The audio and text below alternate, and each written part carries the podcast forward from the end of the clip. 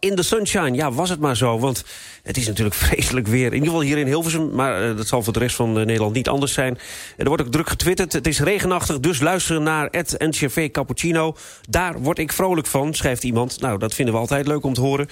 Ja, voor ons gevoel regent het al de hele week. Maar is dat ook echt zo? Gerard Poels, goedemorgen.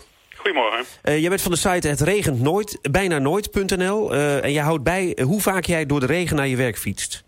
En op de site is dat mooi zichtbaar gemaakt. Want aan de ene fiets zit, zit een zonnetje en op de andere fiets uh, regent het. Mm -hmm. Ja.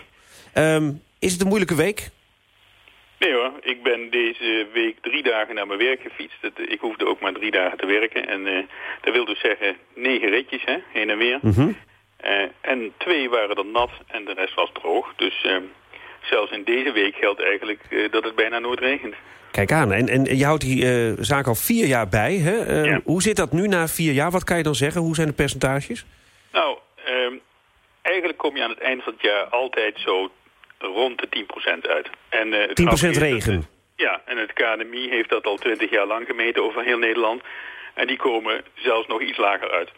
Dus uh, mensen die zeggen deze week heel vaak, dat hoor je ook op... Ik vind schoolplein altijd wel interessant. Ik haal mijn kinderen op en mensen komen dan nu echt naar me toe. Jij zegt ook dat het bijna nooit regent en nu regent het alweer.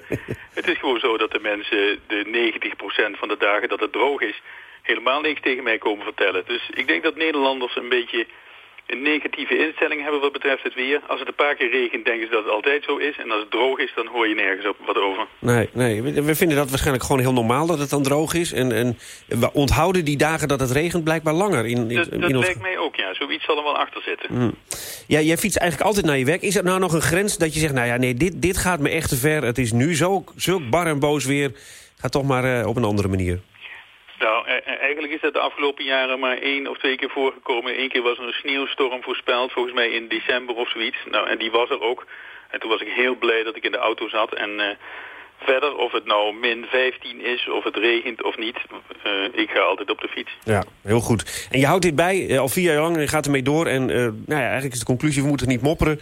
Want 10% in de gevallen dat het weer minder is, regent het maar. 90% droog. Dat ja, zijn de harde feiten. En, dan is het ook zo dat als het regent dat het alleen maar water is. Hè? Dus je wordt er niet ziek van of zo. Hè?